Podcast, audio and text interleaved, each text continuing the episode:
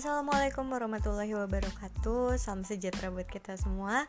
Hai, aku Mayang dan Aduh udah lama banget aku gak rekam buat podcast. Um, Apa kabar? Jadi uh, ya terakhir kali aku janji kalau aku mau ngomongin soal diet dan kesehatan fisik ya. Ya tapi karena satu dan lain hal akhirnya baru sempat ke sekarang semoga tetap ada yang dengerin. Aduh senggap pede itu rasanya kayak mulai lagi rekam podcast. Wish me luck.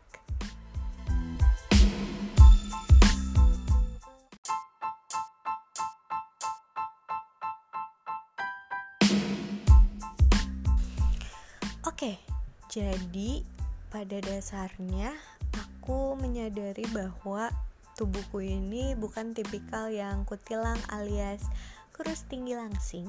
Kayak kalau mau menghayal jadi punya badan kayak Victoria's Secret Angel kayaknya uh, ya itu mimpi aja lah ya gitu. Enggak kayaknya nggak ke situ gitu. Um, tapi uh, aku ngerasa bahwa aku bisa kok lebih kurusan dari yang sekarang gitu. Maksudnya biar nggak bulat banget kayaknya aku bisa deh gitu. Nah sebelum ini aku tuh sempat beberapa kali coba-coba diet. Jadi aku pernah diet yang apa sih namanya? Aku lupa deh yang pokoknya seharian itu cuma minum air putih abis itu kayak uh, besokannya makan buah yang banyak airnya kayak semangka terus setengah hari kemudian makan melon gitu loh yang ditakar-takar gitu makannya. Itu pernah dan tidak cocok ya buat anak tukang ngemil kayak aku alias gagal di hari nggak di hari malah gagal di jam pertama terus aku pernah diet keto nggak makan nasi tapi waktu itu masih makan segala jenis kayak kentang indomie lah apalah gitu itu masih makan. Jadi ya percuma nggak kurusan. Kurusan sih kayak turun sekilo dua kilo tapi nggak kelihatan di badan ngerti gak kayak dari timbangan turun tapi badan gue nggak kecilan atau apa enggak terus aku pernah yang terakhir aku pernah diet vegan jadi aku bener-bener uh, tiga bulan itu aku nggak makan produk yang mengandung uh, daging dan hewani sama sekali. Bahkan kayak susu gitu-gitu nggak. Paling pas cheat days. Dan kenapa harus cheat days? Jadi alasan pertama aku vegan itu gara-gara aku hmm, punya mah lumayan akut. Kayak pagi-pagi tuh aku bisa sampai sorry muntah-muntah gitu kayak orang hamil gitu loh padahal enggak. Dan itu tuh yang dikeluarin gak ada. Kayak bener-bener bisa sampai keluar tau nggak? Kayak asam lambung gitu loh yang dikeluarin yang kayak air dan asam dan panas gitu di tenggorokan itu bisa sampai kayak gitu makanya aku kayak wah ini nggak bisa nih gitu. Kebetulan aku punya teman yang dokter dan vegan. Vegan ya bukan vegetarian. Vegetarian masih makan uh, susu dan telur. Aku bener-bener nggak sama sekali. Terus iya jadi bener-bener tiga bulan kayak gitu aku cheat days gara-gara ya emang aku punya mah dan itu sangat tertolong dengan makan ya tanaman doang istilahnya. Itu aku kayak nggak nggak pernah hampir nggak pernah kambuh lagi mahnya. Karena aku makan lebih banyak dan lebih sering kan yang ya namanya juga sayur ya kayak jatuhnya lebih banyak uh, dan lebih sering makannya. Hmm, tapi masalahnya adalah aku tuh punya darah rendah. Jadi aku sempet yang normalnya aja itu di 90 per 100 di kalau nggak salah. Ya kan? Jadi kalau pas darah rendah aku lagi kambuh itu tuh bisa 90 per 60 apa enggak puyeng ya kan kepalanya. Jadi uh, aku tetap melaksanakan cheat days. Cuma uh, balik lagi kayak badanku turun 2 sampai 3 kiloan waktu itu. Cuma masalahnya ya itu balik lagi kayak aku nggak kelihatan kurusan kayak tetap aja gembil tuh kelihatannya gitu. Nah um, after complaining and complaining and complaining akhirnya um, aku di encourage sama uh, cowokku buat udah deh ke dokter gizi aja. Jadi kalaupun mau diet dietnya yang benar gitu. Akhirnya aku ke dokter gizi eh sorry. Um, sebelum dari situ aku kayak masih berdebat gitu loh karena yes you know dokter gizi kan mahal. Terus habis itu kita juga gini pada dasarnya kita tahu kan kalau mau kurus itu ya lo hidupnya sehat aja. Masalahnya untuk hidup sehat itu butuh waktu dan uang bener nggak gitu? Dan kayak um, kayaknya untuk saat ini tidak memungkinkan secara finansial dan secara waktu untuk bisa punya hidup sehat gitu loh. Cuma aku mikir kayak ya makin lama makin hancur gak sih badan kita gitu? Kalau kita di kalau kita nanti nantiin toh kan diet itu bukan cuma biar jadi kurus tapi juga jadi sehat bener nggak? Sedangkan ya ahli gizi kan pasti tahu kebutuhan badan lo seperti apa. Nah setelah mencari dan mencari dan mencari. Akhirnya aku ketemu sama salah satu dokter yang cukup hits di Bandung dan alhamdulillahnya masih affordable buat aku. Uh, di situ ini kayaknya kalau aku sebut namanya mungkin banyak yang tahu ya karena kebetulan uh, pasiennya banyak yang keren banyak yang artis. Sampai tadi aku juga mikir ini dokter pasti mahal banget. Meskipun ternyata enggak. Dan dia kebetulan uh, salah satu dokter yang menurutku enak banget sih nyaman banget cara dia ngejelasin uh, cara dia encouraging kita buat uh, diet gitu. Jadi yang pertama dia bilang adalah kalau diet orang tuh kan mikirnya kayak yang tadi aku bilang gitu uh, jangan cuma pengen kurus tapi buat sehat. Nah masalahnya kalau misalnya ngomong sehat doang kadang-kadang karena kita masih merasa muda celeh muda. Ya maksudnya kayak karena kita berpikir oh iya nih gue belum ada penyakit penyakit yang kayak gue belum merasa sakit apa-apa. Akhirnya dietnya biasanya dinantiin terus dia bilang coba deh uh, kasih deadline aja.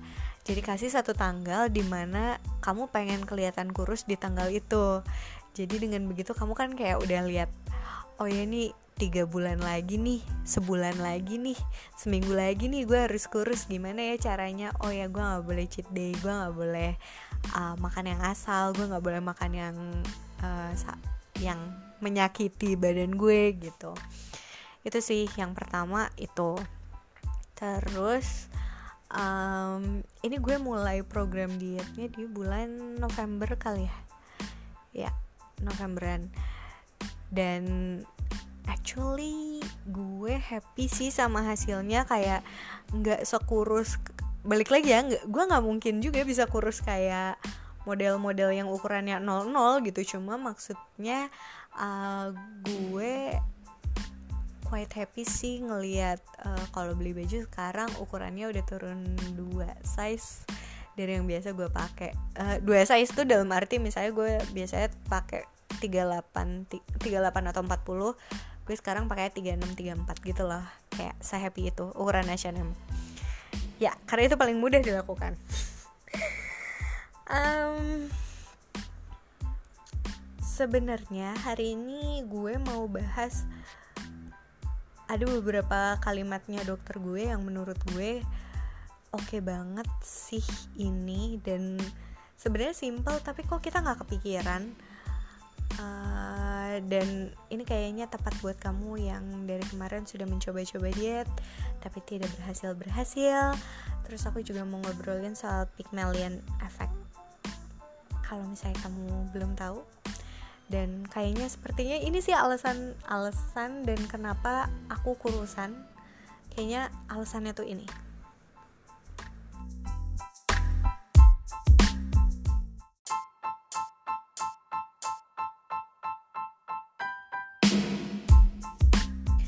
Jadi badan manusia itu customize. Semuanya dibikin sama Tuhan itu benar-benar satu-satu. Jadi bayangin kalau anak kembar yang makan makanan yang sama uh, melakukan aktivitas yang sama menghirup udara yang sama tetap aja apa yang terjadi di tubuh kembaran yang satu akan beda dengan kembaran yang nomor dua. Itu kembar loh.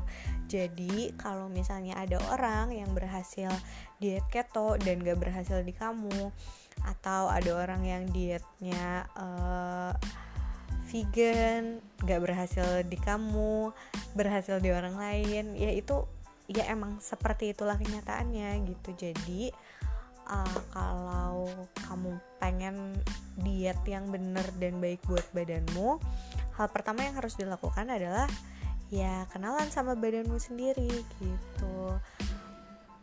Gimana cara kenalannya? Ya salah satunya mungkin pakai perantara yang lebih ahli. Bisa jadi sih dokter ahli gizi mungkin atau uh, ada nggak sih kayak yang eh, aku nggak tahu deh tahu salah udah udah nggak jadi. Ya uh, itu yang pertama bahwa tubuh manusia itu semuanya customize. Yang kedua adalah ada yang namanya Pygmalion effect. Kalau pernah dengar pernah tahu ini tuh berpengaruh banget di, di dunia perdietan karena aku pun jujur mengalami um, Pygmalion effect tuh sebenarnya gini apa yang kamu pikirin tentang diri kamu sendiri impactnya adalah apa yang kamu lakukan. Dan apa pun yang kamu lakukan itu akan membuat orang-orang lain di sekitar kamu uh, punya benchmark tentang kamu lalu mereka akan memperlakukan kamu seperti uh, benchmark mereka terhadap kamu. Intinya kayak gitu. Jadi misalnya uh, diet nih ya. Kalau misalnya kamu percaya bahwa kamu itu kurusan dengan diet yang kamu lakukan, maka kamu akan berusaha buat diet dengan baik. Uh, dan karena kamu diet dengan baik, orang-orang di sekitar kamu jadinya percaya bahwa oh iya nih, nih anak diet dan kayaknya kurusan deh, kayaknya dietnya berhasil deh. Nah, karena orang-orang di sekitar kamu ini uh, berpikir bahwa dietmu berhasil, maka dia akan memperlakukan kamu seperti kalau dietmu berhasil kayak nanya, "Ih, lo kurusan ya? Eh, lo diet pakai apa? Eh, lo turun berapa kilo? Lo kayaknya kurusan? Lo kayaknya tirusan?" gitu-gitu. Dan itu akan kembali lagi ke kamu dan bikin kamu berpikir bahwa eh iya nih gue kurus aja ya udah muter aja gitu. Jadi uh, si efeknya tuh berputar gitu. Pygmalion effect namanya uh, itu berlaku juga kayak ke tanggapan orang-orang kalau misalnya eh kalau gendutan sih? Makanya kenapa banyak orang-orang yang gagal diet itu gara-gara uh, lagi diet terus dia dibilangin yang kayak eh kok lo gendutan sih? Eh kok lo makin subur sih? Atau eh seger nih kayaknya. Dan kata-kata semacam itu itu kan bikin kita jadi nggak pede ya. Yang akhirnya apa yang kita lakukan adalah yang tadinya niatnya diet malah jadi makan lebih banyak. Karena stres ih kan gue lagi diet kok lo malah bilang gue gendutan? Gitu atau malah berpikir kayak ah, udahlah percuma gue diet semua orang juga nganggapnya gue gendutan gitu. Yang akhir ya karena kita makan lebih banyak orang ngelihat kita makan banyak kan jadi kayak ya pantasan aja diet lo gagal orang lo makannya banyak banget gitu kan. Nah akhirnya mereka membicarakan itu ke lo nyampe lagi di telinga lo diresapi oleh hati dan perasaan dan otak lo sebagai oh iya gue gendutan muter lagi. Gitu. Jadi kalau saranku yang pertama adalah um, ya harus kenal sama badan sendiri. Dua hindarin lingkungan yang toksik yang bilang lo kurusan. Eh sorry yang bilang lo gendutan yang bilang lo udah diet gak kurus-kurusan itu kayaknya kalau lagi diet hindarin aja lah ya.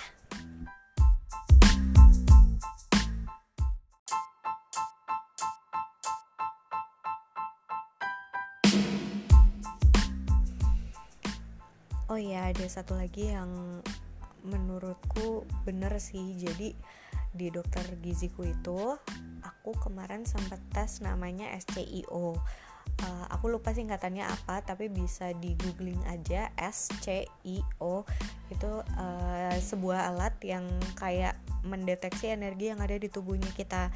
Jadi dia bisa tahu kayak kita tuh kebanyakan makan apa.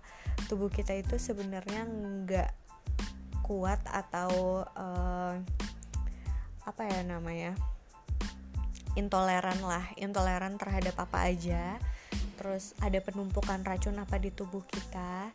Terus dia juga bisa mendeteksi kayak perasaan-perasaan negatif yang kita rasain energi-energi negatif yang kita keluarkan gitu. Jadi dia bisa uh, aku nggak tahu aku sendiri terbengong-bengong begitu uh, tes pakai alat ini karena kayak literally badan lo di scan tapi kayak nggak nggak gimana gimana ngerti nggak? Nggak ada rasanya nggak harus ganti baju pakai baju apa tuh kalau misalnya kita mau CT scan? Eh enggak ya kalau CT scan tuh ganti baju nggak sih? Aku nggak tahu juga. Aku sotoy. Jadi um, iya kayak bener-bener nggak kerasa apa-apa tiba-tiba hasilnya udah keluar dan pas dibacain itu semuanya benar kayak um, apa aja sih yang badan lo sebenarnya tuh nggak tahan intoleran tapi lo paksain yang ujung-ujungnya bikin lo gendut satu itu. Terus kayak dia juga bisa mendeteksi lo tuh stres apa sih atau punya perasaan negatif apa yang mempengaruhi organ-organ di badan lo gitu. Dan itu bikin gue makin yakin bikin gue makin sadar bahwa ya emang kita tuh bukan terdiri dari fisik aja tapi juga terdiri dari uh, psikologis, sosiologis. Tadi kan bahas Pygmalion efek kan psikologis, psikologis sosiologis banget tuh.